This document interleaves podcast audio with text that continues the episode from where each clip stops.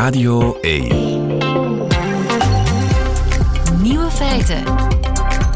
Met Lieven van den Houten. Dag en welkom bij de podcast van 13 oktober 2022. In het nieuws vandaag dat het niet echt dik aan is tussen King Charles en zijn premier Liz Truss. Luister mee naar hoe de audiëntie ten paleize begon gisteren. Goed je weer te zien, zegt Truss, waarop de koning niet bepaald overloopt van enthousiasme. To see you again. Oh, it's a great pleasure. Oh, daar bent u weer. Oh dear, oh dear, sprak de koning. De queen is nu wel echt dood. De andere nieuwe feiten vandaag. Honger maakt minder bang, blijkt uit onderzoek in Leuven. Erdogan wil nog steeds bemiddelen tussen Rusland en Oekraïne. K-popgroep BTS moet naar het leger. En Rika Ponet beantwoordt een vraag van luisteraar Jeroen, die door zijn man volledig wordt gedomineerd. De nieuwe feiten van Nico Dijkshoorn die hoort u in zijn middagjournaal. Veel plezier. De Turkse president Erdogan die probeert zijn rol als vredesduif weer op te pakken in het conflict, de oorlog tussen Rusland en Oekraïne. Ria Lanen, goedemiddag. Goedemiddag. U bent Ruslanddeskundige en ook eh, professor aan de Universiteit van Leuven. Vandaag ontmoeten de Turkse president Erdogan en die van Rusland, Poetin, elkaar in Kazachstan. Wat moeten we daarvan verwachten? Um, ja, ik denk dat we daar inderdaad van kunnen verwachten dat um, Erdogan uh, op een formele manier aan Poetin het aanbod zal doen om op te treden als bemiddelaar in vredesgesprekken. Uh, dat is waarschijnlijk uh, wat we als heel concrete stap mogen verwachten. Maar we weten allemaal al langer dat uh, Erdogan die, die rol ambieert. Dat um, is al vanaf het begin van deze oorlog eigenlijk duidelijk. Ja, hij heeft ook de graandeal uiteindelijk in de wacht gesleept, hè? Ja, en dat is toch niet onbelangrijk. Dat is eigenlijk in die nu bijna acht maanden aanslepende oorlog het belangrijkste diplomatieke resultaat dat er al geboekt is. En, en ja, een van uh, globaal belang. Dus ja, dat is zeker een opsteker voor hem geweest, voor, voor Erdogan. Dat die graandeel moet overigens ook nog verlengd worden. Dus dat is waarschijnlijk ook iets dat uh, besproken wordt ja. nu.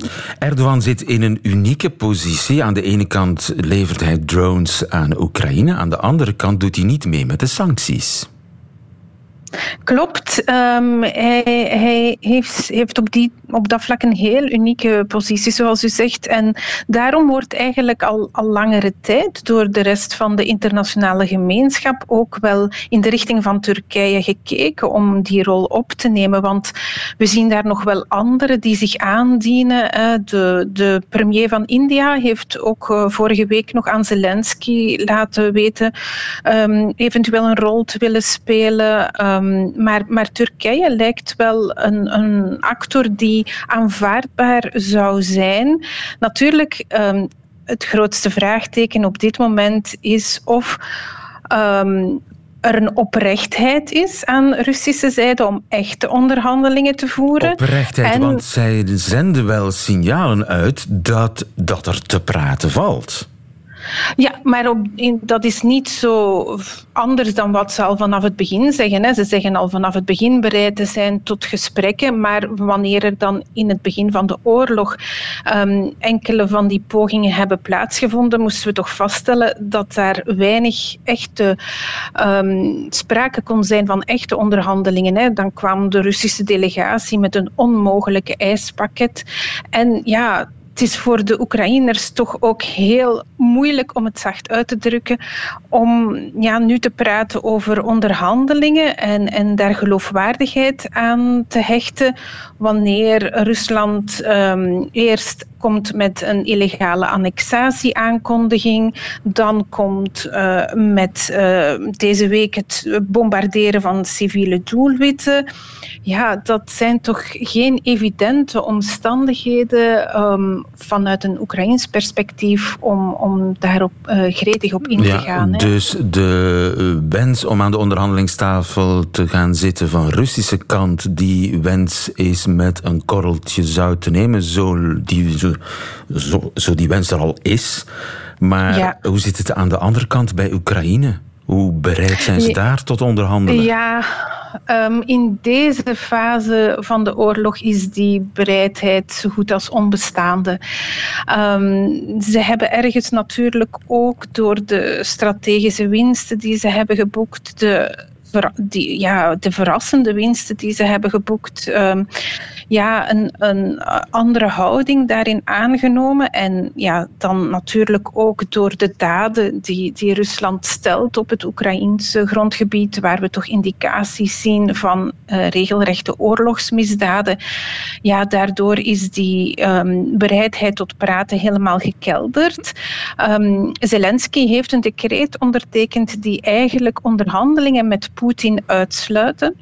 Maar tegelijkertijd is daar wel de belangrijke nuancering dat um, dat rechtstreeks gaat over onderhandelingen met president Poetin en dat eigenlijk onderhandelingen met Rusland, met een andere gesprekspartner in Rusland, niet uh, compleet zijn Niet compleet zijn uitgesloten. Maar zij denken nog altijd terreinwinst te kunnen boeken. Zij zijn zo succesvol geweest de voorbije weken, maanden op het slagveld.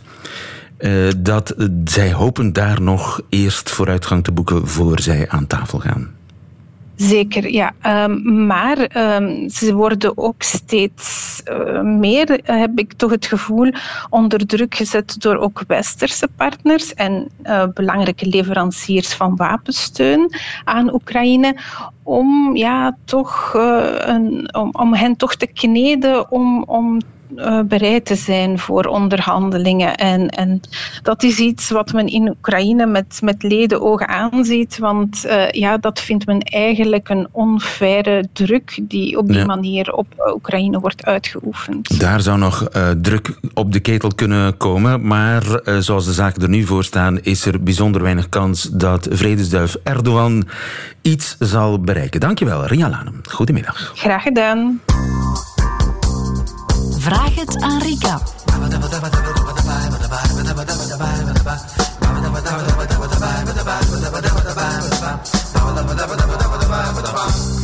Zij is weer likkebaardend komen aanschuiven. Rika Ponet, zoals elke donderdag, tuk op problemen. Ja, een beetje. Hè? Uh, en problemen genoeg, want ze stromen hier binnen op uh, nieuwe feiten uit radio1.be. Knopen die u moeilijk zelf doorgehakt krijgt of waar u wel een beetje advies in kunt gebruiken. Rika Ponet, relatiedeskundige, is goed geplaatst om u te helpen. We hebben een mail gekregen van Jeroen. Mm -hmm. En Jeroen schrijft: Als mannenkoppel zijn we al ruim twintig jaar samen. Voor onze vrienden is het een raadsel, maar opposites attracts. Dus opposites attracts. Voor Jeroen, opposites attract. Zelf ben ik eerder het emotionele type, waarmee ik niet wil zeggen dat ik een watje of een pussy ben. Nee, ik voel mensen goed aan en plaats me ook altijd in de ander zijn schoenen. Mijn partner heeft dat veel minder. Hij gaat rationeler reageren, soms op zijn botte manier, soms ook zelfs erg defensief en direct. Mooi als je wil weten waar je staat, maar het komt erg onverschillig over. Al jaren ondervind ik dat ik vele thema's wil opentrekken en over wil spreken, maar dit eindigt vaak in discussies. Als koppel vind ik dat ieder een eigen mening mag hebben, maar ik voel constant aan, zelfs als we bij vrienden zijn, dat dit mij door hem niet gegund wordt. Zo is hij fervent voorstander van een politieke partij, maar ik ben een mix van allerlei partijen. Zelf hou ik graag de kerk in het midden, terwijl hij voor de confrontatie durft te gaan. Het is erg moeilijk om niet in discussie te vallen als iemand niet van zijn stuk is te brengen, zijn principes blijft hanteren en geen sprake van gebruikt als laatste zin. Toch probeer ik om de dialoog levend te houden. Maar soms geef ik het op. I roll my eyes en kijk weg. Ook voor tal van praktische oplossingen in huis is de gulden tussenweg uit de boze. Jeroen, en zijn botte echtgenoot. Ja. Die ja, alles weet. Dominant is en wil domineren. Hè. Ik denk dat we dat wel mogen zeggen. Nee. Ja, en die kennelijk het lastig heeft met... Tegenspraak. Ja. dat is zoals mensen willen domineren. Ja. Vinden ze dat niet leuk. Dat iemand... Wat is hier aan de hand? Um, we zien dat vaak zo niet. Hè. Um, en hij klinkt inderdaad als de zachte partij en de andere als de harde, dominante, alles invullende partij. Maar eigenlijk zit onder dominantie altijd onzekerheid. Ja, dat, we vinden dat raar om dat zo te bekijken, maar dat zit daar altijd onder. En wat ehm, eh, altijd opnieuw weer het geval is, dat is dat mensen die dat zijn in hun volwassen leven, uh, agressief dominant, uh, heel pertinent zoals hij is, um, hebben vooral geleerd dat, je kent dat wel, dat beeld van het kippenhok, um, dat de enige en de beste plaats in het kippenhok die op de bovenste stok is. Want -hmm. als je een stokje lager zit, dan krijg je vooral de stront van al die andere kippen op je kop. Hè. Dus... Um, dus in een relatie is er maar één positie aan het stuur. Er zijn alleen maar winnaars en verliezers in discussies. En je zorgt ervoor dat je een winnaar bent. Dat, dat is, is, wat in de. Wat is wat, dat is wat in zijn. Um, hoofd speelt. In zijn hoofd speelt. Van de ander. Ja. Consensus, dat, dat kent hij niet. Dat heeft hij ook niet geleerd. Zeker weten en gevoelsmatig ook niet. Terwijl aan de andere kant, en zo is het, het altijd in die koppels, dat kan ook niet anders, dat is die opposites attract, zoals hij dat omschrijft, maar dat gaat veel meer over, zo iemand kan alleen maar overeenkomen met iemand die ja, zich dan vrij pleasend, conflictvermijdend opstelt. Want anders heb je van dag één... Uh, vuurwerk. Vuurwerk en uh, ja, sneuvelende serviezen en dat blijft niet duren. Dus, um, dus hij is naar alle waarschijnlijkheid iemand uh, ja, die de strijd niet opneemt, uh, er vaak voor kiest om de confrontatie niet aan te gaan. Uh, een beetje zijn oorlogen kiest, maar zelfs nog niet eens zijn oorlogen Ze zijn twintig jaar samen. Ja, dus dat is iemand die zich heel vaak altijd aangepast heeft, denk ik. Um, en wat mensen soms onderschatten, je kan op de, ja, de korte termijn door een ruzie uit de weg te gaan, daar zit een winst in. Je, je hebt de ruzie niet, het, uh, het is pijs en vree in huis en je kan verder met de orde van de dag. Maar um, wanneer je toegeeft stilzwijgend, dan geef je misschien niet toe. Je heeft duidelijk een ander idee over bepaalde dingen. Maar uh, niet voor je idee opkomen is altijd een stilzwijgend akkoord. Hè. Zo ervaart de andere dat. Jij denkt misschien bij jezelf, ja, hij heeft nu toch wel door dat ik daar niet echt mee akkoord ga, maar dat ik de ruzie niet zoek. Nee, voor hem gaat dat er eigenlijk over dat je op dat moment stilzwijgend akkoord gaat met wat hij zegt en doet. Um, Kun je hierin ja. evolueren? Want dit gaat kennelijk al twintig jaar. Ah, nee. Ja. Nee? Heel moeilijk. Het systeem? Vooral ook, en dat spreekt uit dat verhaal over, hij heeft een uitgesproken politieke uh, voorkeur. Mm -hmm. um, dat is zo die pertinentie rond al die kwesties. En dat gaat erover dat in zijn verhaal is dat zo, in zijn beleving, uh, stel, uh, ik ben uh, radicaal links. als jij niet denkt zoals ik denk, dan wijs je niet zozeer mijn denkwijze af, maar dan wijs je mij af. Hè. Ik en mijn denkwijze, dat is één geheel. Dus van zodra... Daar weer onzekerheid. Onzekerheid. Van zodra ik iets naar buiten breng, een overtuiging, en die is zwart en jij zegt wit, dan ervaar ik dat als jij die openlijk tegen mij bent. Hè? Jij die mij afwijst. Um, dat is kan hij iets aan de onzekerheid doen van zijn dominante partner? Um, ik denk waar het begint is uiteraard op uw thuisfront, daar waar dat, uh, niet, er geen confrontatie is met de buitenwereld. En er is maar één manier, dat pleasen, dat werkt niet. Hè. Het wordt er alleen maar erger op. Um, trouwens, uh, die dominante man heeft daar geen respect voor, voor iemand die pleest. Die komt uit, nogmaals, uit een context Met... waarin er alleen maar respect is voor de kip op de bovenste stok. Dus hij zal toch uh, wat krachtiger ook zijn eigen standpunten uh, moeten um, op tafel leggen en vertegenwoordigen. En uh, daar ook achter staan en dat ook doorduwen. En toch het conflict durven aangaan af en toe. Um, dat gedoseerd. Zeggen, gedoseerd. Want ja, dat zal ook zijn aard niet zijn. En voor hem ook zeer ongemakkelijk en moeilijk aanvoelen. Maar daar waar hij bereid is om zijn weg te gaan en zijn keuzes te valideren en daarachter te staan daar alleen zal hij ook respect krijgen van de anderen. Het blijft een heikele oefening. Ik denk dit te berde durven brengen, dit inzicht ook van ja, het is niet omdat jij zwart zegt en ik wit uh, dat ik tegen jou ben. Ik denk alleen anders over dit ene specifieke onderwerp. En dat kan, ik kan jou graag zien, en, want daar gaat dat eigenlijk over. Ik kan jou graag zien ja, nog altijd graag zien, ook als we verschillen van mening. Hè. Dat is, uh, en dat is vaak wat ook in die thuiscontext niet van toepassing was. Ofwel ben je voor mij, ofwel ben je tegen mij. Heel sterk in dat soort van kampen denken. Van dat te proberen genuanceerd te krijgen. Nu, zo iemand is vaak ook heel manipulatief. Hè. Van zodra hij zwart zegt en de ander zegt wit, dan krijgt hij zeker op zijn bord, ja, jij zegt gewoon de vies wit als ik zwart zeg. Hè. Je doet dat om mij te pesten. Om mij te pesten, ja. Laat je ook niet in dat soort van discussie um, of verzand daar niet in. Laat je daar niet toe verleiden, want je wint dan nooit dat soort discussies. Geef alleen aan, nee, dat is zo niet. Eh, jij hebt jouw standpunt, ik respecteer dat, ik valideer dat, ik heb daar geen enkel probleem mee, maar ik denk daar anders over. En laat ons nu overeenkomen dat we er allebei een ander idee over hebben.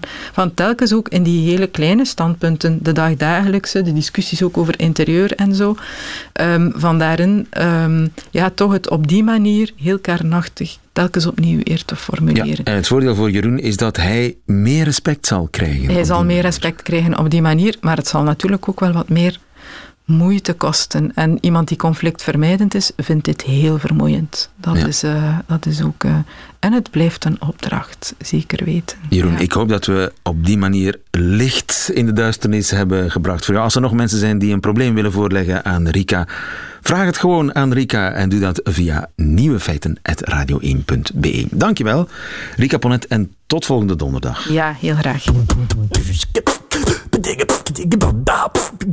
Nieuwe feiten.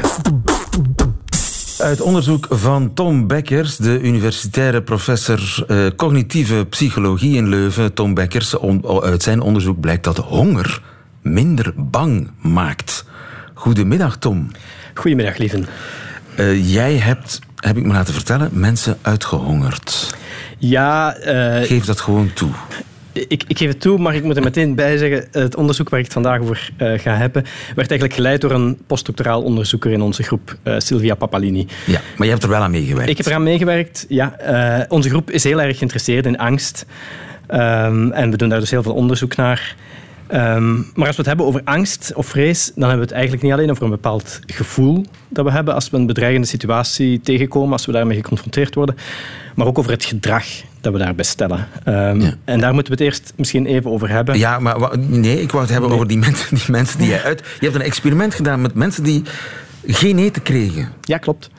Ja, omdat we um, het idee hadden dat um, honger hebben wel eens een effect zou kunnen hebben op hoe angstig mensen zich voelen in bepaalde situaties en vooral ook hoe ze daar dan mee omgaan. Hoeveel, hoeveel vermijdingsgedrag dat ze stellen. Want um, als we ons angstig voelen, dan, dan hebben we bijna instinctief de neiging om ons, om ons terug te trekken, om te vluchten, om, om liever nog het gevaar al bij voorbaat uit de weg te gaan, te vermijden dus.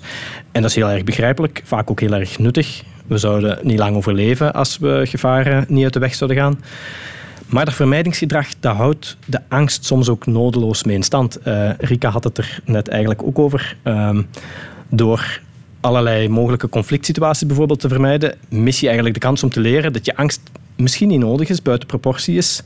Uh, als ik een collega niet aanspreek die iets oncollegiaals gedaan heeft, bijvoorbeeld, ja, dan, dan ontzeg ik mezelf eigenlijk de kans om te merken dat die collega daar misschien blij mee is. En, en dat mijn angst voor conflict misschien onterecht was. Er is heel veel nodeloze angst. Er is heel veel nodeloze angst en vooral heel veel vermijding. En, en vermijding is vaak ook het probleem bij angststoornissen. Meer dan de angst zelf komen mensen in de knel omdat ze situaties die objectief misschien niet gevaarlijk zijn, gaan vermijden in die mate dat het interfereert met hun dagelijks leven, hun werk, hun sociale contacten. Iemand met sociale angst die gaat misschien alle sociale gelegenheden ontlopen om zich maar niet door anderen beoordeeld, afgewezen, in verlegenheid gebracht te voelen.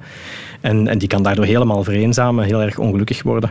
Dat is vaak ook de belangrijkste uitdaging in psychotherapie voor mensen met ernstige angstklachten, om mensen te helpen om die vermijding van wat vaak objectief eigenlijk ongevaarlijke situaties zijn te doorbreken. En, honger helpt daarbij? Ja, wel, uh, eigenlijk dachten we net het omgekeerde. Dus, uh, dus we proberen een beetje zicht te krijgen op welke mechanismen, welke factoren houden die vermijding in stand.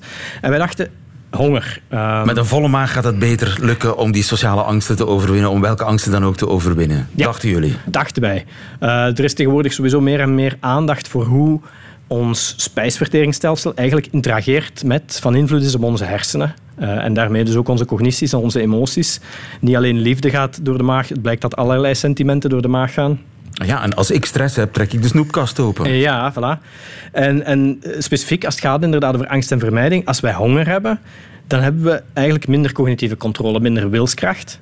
En wilskracht is nu eigenlijk net wat je nodig hebt om die welhaast instinctieve neiging tot vermijding, als je je wat angstig of gespannen voelt, om die te doorbreken. Je moet een beetje doorzetten om ondanks je angst niet te vermijden eigenlijk. En dus wij dachten dat gaat moeilijker zijn als, als mensen honger hebben.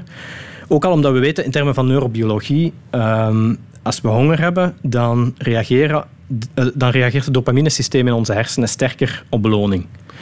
En je zou kunnen zeggen, het gevoel van opluchting dat je ervaart als je een gevaar kan vermijden, dat is een soort van beloning. Dus wij dachten, ja, als mensen honger hebben, dan, dan zullen we ons misschien ook sterker beloond voelen als we een gevaar weten te vermijden. Ja, maar dus dat was dus allemaal niet waar. Wel, nee, dat bleek. Dus we hebben, we hebben een groep van 50 vrouwen gevraagd om naar het labo te komen. Die hadden vanaf um, s'avonds 6 uur niks meer gegeten. Waarom vrouwen eigenlijk? Ha, um, omdat uh, er zijn een paar goede redenen voor. Ten eerste, we, we, wilden niet meteen vrouwen en mannen om, om een beetje een homogene groep te hebben. Maar ook angststoornissen bijvoorbeeld komen met name iets meer voor bij vrouwen dan bij mannen.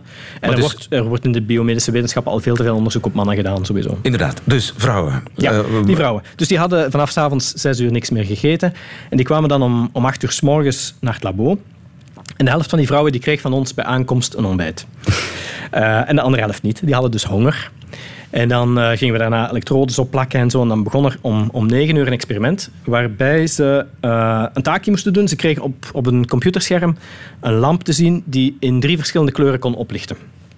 En bij twee van die kleuren kregen ze telkens uh, een, een onaangename elektrische prikkel. Niet echt pijnlijk. Gemarteld. ja, Honger en, het, het, het, het, doet geen pijn, maar het is wel vervelend. Ja, oké. Ja. Uh, en dus bij de derde kleur uh, kregen ze nooit die elektrische prikkel. Okay. En, en dus die deelnemers die leren vrij snel om inderdaad die elektrische prikkel te verwachten, al een beetje anticipatieangst te vertonen.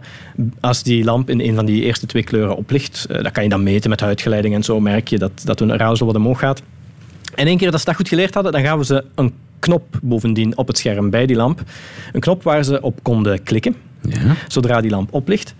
En bij de ene kleur zorgt op de knop drukken ervoor dat er geen elektrische prikkel komt. Dat ze die dus kunnen vermijden. Bij een andere kleur is op de knop drukken nutteloos, want die elektrische prikkel komt toch. En bij de derde kleur is op de knop drukken niet nodig, want daar volgt sowieso nooit een elektrische prikkel op. En wat je dan ziet bij mensen die ontbijt hebben gekregen, is dat ze vooral drukken op de knop bij die kleur waar het nuttig is. Maar minder als het niet nuttig is of, of niet nodig.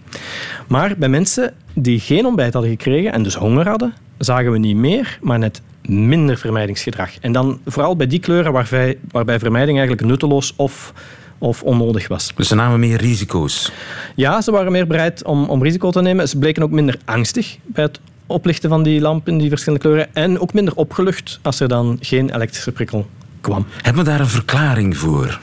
Ja, dat is, dat is een goede vraag. We kunnen daar dus alleen maar over speculeren, want ons idee op voorhand was, uh, was omgekeerd. Maar misschien is het toch achteraf gezien niet zo gek. Uh, het is nu wel zo dat honger ons afleidt en ons minder in staat maakt om allerlei impulsen te onderdrukken.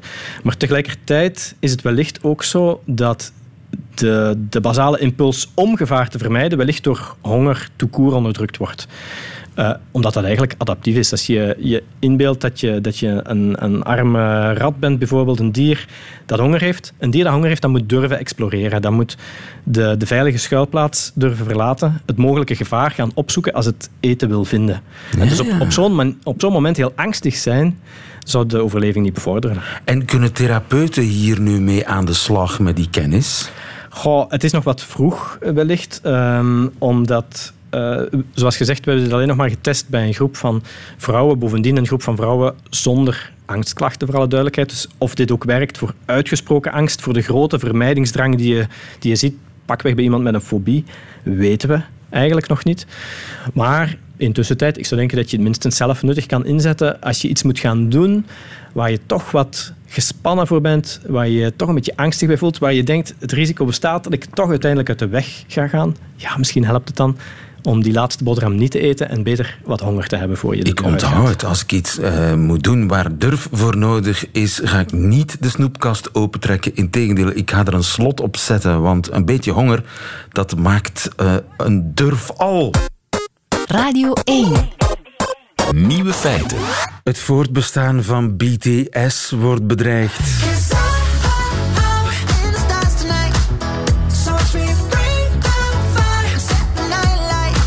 De jongens van de Zuid-Koreaanse popgroep BTS die moeten misschien hun glitterpakjes inruilen voor een legeruniform. Flora Smit, goedemiddag. Ja, goedemiddag. Flora, je bent onderzoeker Korea-studies aan de Universiteit van Leiden. Is er in Zuid-Korea dienstplicht? Uh, ja, die is er zeker. Voor elke man tussen de 18 en 28 jaar uh, zullen ze 18 maanden naar het leger moeten. 18 maanden en werkelijk nie yes. niemand ontsnapt daaraan, of wel? Ja, er zijn wel in het verleden uitzonderingen gemaakt. Dat wordt meestal gegeven aan mensen die op een andere manier uh, hun diensten aan Zuid-Korea hebben laten zien. Uh, dus dat zijn voornamelijk topatleten geweest. Uh, die een gouden medaille hebben gewonnen tijdens de Olympische Spelen. Maar zelfs die zijn uiteindelijk alsnog vrijwillig het leger ingegaan. En BTS, die jongens, hoe oud zijn die nu? Ja, die zijn eigenlijk al uh, een beetje rond de tijd dat, dat ze er dus eigenlijk al uiterlijk in moeten. Jin, een van de oudste, uh, de oudste member van BTS, die wordt 30 dit jaar.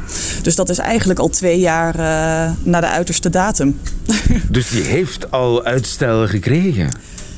Precies, ja. In 2020 uh, is er een nieuwe wet doorgevoerd. Waarin als je dus hè, uh, nou, hele goede dienst hebt bewezen aan, aan Zuid-Korea op een andere manier. Dus inderdaad via, via popindustrie of via de sport. Uh, dat je dan tot je dertigste uitstel mag krijgen. En dat is dus ook voor deze jongens ingegaan. Maar dus dat, die uiterste limiet is bijna verstreken. En daarna is er eigenlijk helemaal niets meer aan te doen. Dan moet hij naar het leger. Ja, dat is inderdaad waar. Dus er was nog heel lang een beetje de hoop voor uh, natuurlijk heel veel BTS-fans. En misschien ook wel voor BTS zelf, uh, dat ze dat niet hoeven te doen. Uh, maar je merkt toch, ook met de vorige atleten, er is eigenlijk niemand die uitstel heeft gekregen en ook uiteindelijk daar gebruik van heeft gemaakt. Dat komt ook omdat het in Korea wel een beetje gezien wordt, nou ja, heel heftig woord, maar als een beetje landverraad als je het uiteindelijk niet doet. Het is ook wel echt voor je eigen ja, trots uh, op het land uh, om toch het leger in te gaan. En anders word je een beetje als een anti-held gezien. Dus het doet je imago ook weer af als je niet gaat. En wat zeggen de jongens zelf? Willen ze gaan? Nou, ik kan het niet helemaal. Ze zijn daar zelf dus niet zo open over. Omdat, uh, Want als ik ze zo zie, lijken ze handiger met haardrogers dan met houwitsers. ja, dat wordt wel van meerdere mensen gezegd dat niet iedereen geschikt is voor het leger daar inderdaad. Nee, naar, naar uh, mijn vrienden ook in Korea. Niemand wil eigenlijk naar het leger. Um, maar je kan er niet aan ontkomen. Hè? Zeker niet als je, als je geen uh, topatleet bent of geen uh, idool. Maar uh, ook die idolen zelf, uh, ja, ze zullen dit moeten doen. Ze krijgen vaak wel een iets ander traject. Hè. Ze hoeven niet helemaal te klauteren door de bossen. Ze kunnen bijvoorbeeld ook een buschauffeur worden of uh, op een andere manier hun dienst bewijzen. Dus er zijn wel uitzonderingen binnen het leger. Maar die 18 maanden, die gaan altijd wel in, ja. Dat is ook met vorige idolen gebeurd. Nu, BTS is heel belangrijk voor de fans. Hè. Ik denk dat er heel veel meisjesharten gebroken zullen zijn, mocht BTS stoppen. Ja. Maar BTS is ook heel belangrijk voor de Zuid-Koreaanse economie. Ja, precies. En dat is ook waarom eigenlijk uh, die nieuwe wet is doorgevoerd dat het vanaf 30 uh, mag. Hè, het, het, leven van een idool is natuurlijk, uh, kan hartstikke geweldig zijn, maar is meestal wel kort. Hè. Als je vijf jaar een idool bent, dan doe je het eigenlijk al heel goed. Nou, BTS doet het al tien jaar. Dus dat is eigenlijk uitzonderlijk voor een K-pop idool. Um, dus daardoor ook de regel dat je vanaf je dertigste moet. Dan is eigenlijk voor 99% van de idolen is dan eigenlijk ook wel hun, hun beroemdheid voorbij. En kunnen ze daardoor dus daarna makkelijker naar het leger gaan. Zonder dat dat economisch impact heeft uh, op wat Zuid-Korea natuurlijk binnenkrijgt van het succes van hun K-pop idolen. Maar de BTS-fabriek die draait nog steeds op volle toeren. Ook al komt die 30 in zicht voor uh, een van de jongens. Ja, en dat is natuurlijk wat heel uh, slim is geweest, uh, dat ze ook de hiatus hebben aangekondigd. Ik denk ook ten zeerste dat dat ook is gekomen doordat BTS daar echt behoefte aan had. Uh, een sabbatjaar? Zoals ze zelf al zeiden. Ja, precies. Hè. Ze konden nooit echt opgroeien. En dat is natuurlijk in zo'n harde K-pop-industrie... waarin je, nou, eigenlijk jouw leven voor jou ingepland wordt... kan ik me voorstellen dat ze nu zo succesvol zijn... dat ze zelf kunnen zeggen dat ze er eventjes pauze van willen nemen... en zich willen richten op eigen persoonlijke projecten. Maar ik moet eerlijk zeggen, ik denk ook dat dat een klein beetje... het warme pierenbadje uh, is wat klaargemaakt is... zodat ze uiteindelijk ook dus individueel het leger in kunnen gaan. Ja. En noem eens een paar cijfers. Uh, hoeveel omzet draait BTS eigenlijk? Ja, ik had gelezen dat ze 3,3 miljard per jaar uh, aan inkomsten genereren voor Zuid-Korea. Dat is natuurlijk een enorm een enorm getal. Dat is meer dan uh, menig bedrijf hier in Nederland jaarlijks kan binnenkrijgen. Ik, las een ik nog, had ook gehoord. Uh, ja. een, een, nog spectaculairder cijfer is wat ze op Oh, tien dat jaar is toch- tijd, op tien jaar tijd Oh, God. eh, hebben ze bijgedragen aan de economie van Zuid-Korea. Dubbele punt, 29 miljoen miljoen dollar. Dat is bizar. Ja, dat is ongelooflijk. Ik denk ook dat ze dat zelf niet verwacht hadden. Nee. ik Dus- had ook gelezen dat als ze deze zomer wel eh, optredens hadden gegeven, dus niet in hiatus waren gegaan, dan al het verlies wat geleden was vanwege de coronaperiode in Korea, zou dan ook weer geëvenaard zijn. Nou, dat is natuurlijk ook bizar. eh, dat je dat als concept 800.000 in één, toeristen eh, reisden in 2018 naar Korea door BTS. 800.000. Dus dat is Dat een is gigantische winkel die, ja, als Ja. de heren naar het leger moeten, sluit. Ja, ja, dan hoop je natuurlijk, wat wel vaker gebeurt met popidolen, dat er een andere groep komt die BTS een beetje kan vervangen.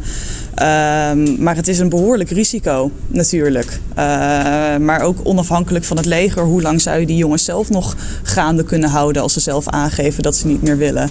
Ze zijn natuurlijk al heel lang in die industrie. En tien jaar is, dat vergt ook enorm veel als je zo succesvol bent natuurlijk. Ja, en vroeg of laat laat komen de rimpels. Ja, dat is natuurlijk ook zo. Een K-pop-idool moet jong zijn. Ja, dat is wel een klein beetje de ongeschreven regel ook bij de K-pop-industrie. Ja. Daarom, na 30 eh, is het voor de meesten wel gedaan en zoeken ze meestal een andere carrière. Dus als we ons afvragen, zal het leger de, de finale dolkstoot zijn waar eh, BTS door eh, in, inklapt, dan is het antwoord wellicht wel. Eh, ja, ik wil niet allemaal fans nu heel erg gaan teleurstellen. Eh, en ik denk ook zeker met de support van de fans dat er nog heel veel mogelijk is. Ook om, om tijdens eh, de militaire dienstplicht nog op te treden. Dat doen nu andere K-pop-idolen ook. Maar het, het is wel veel gevraagd om 18 maanden compleet natuurlijk van de media te verdwijnen. Want de competitie is zo groot met K-pop-idolen.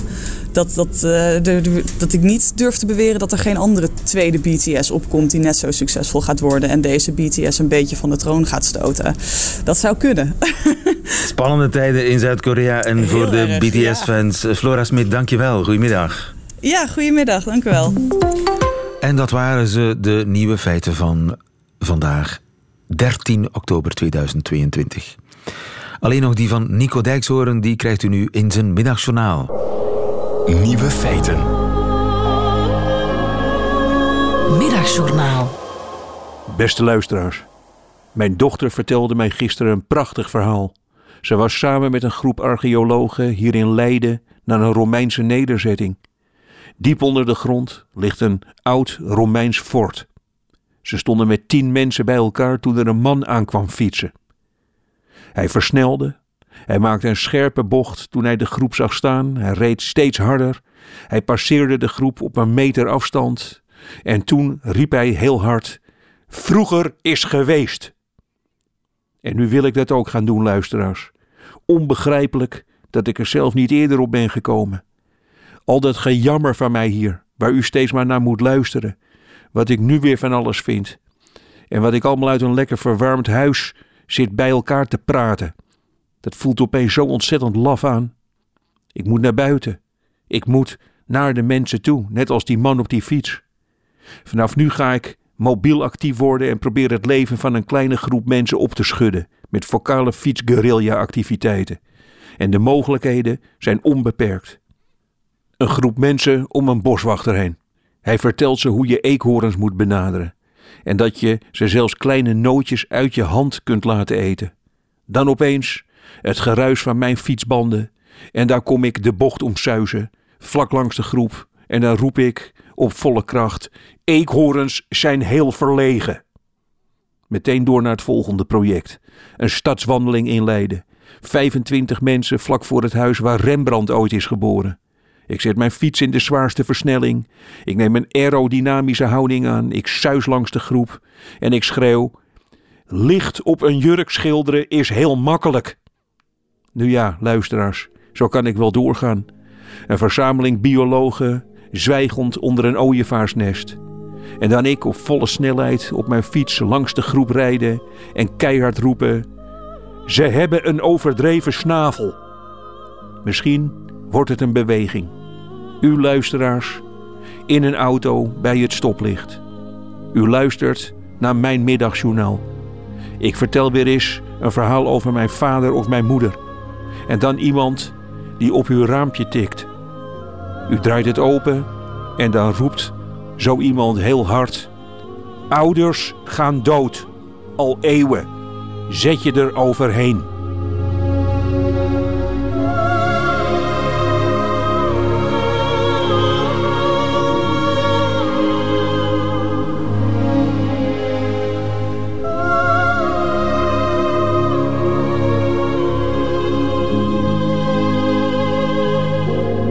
Het middagjournaal met Nico Dijkshoorn. Einde van deze podcast. Hoort u liever de volledige nieuwe feiten met de muziek erbij? Dat kan natuurlijk ook live, elke werkdag tussen 12 en 1 op Radio 1 of on demand via de Radio 1 app of website. Tot een volgende keer.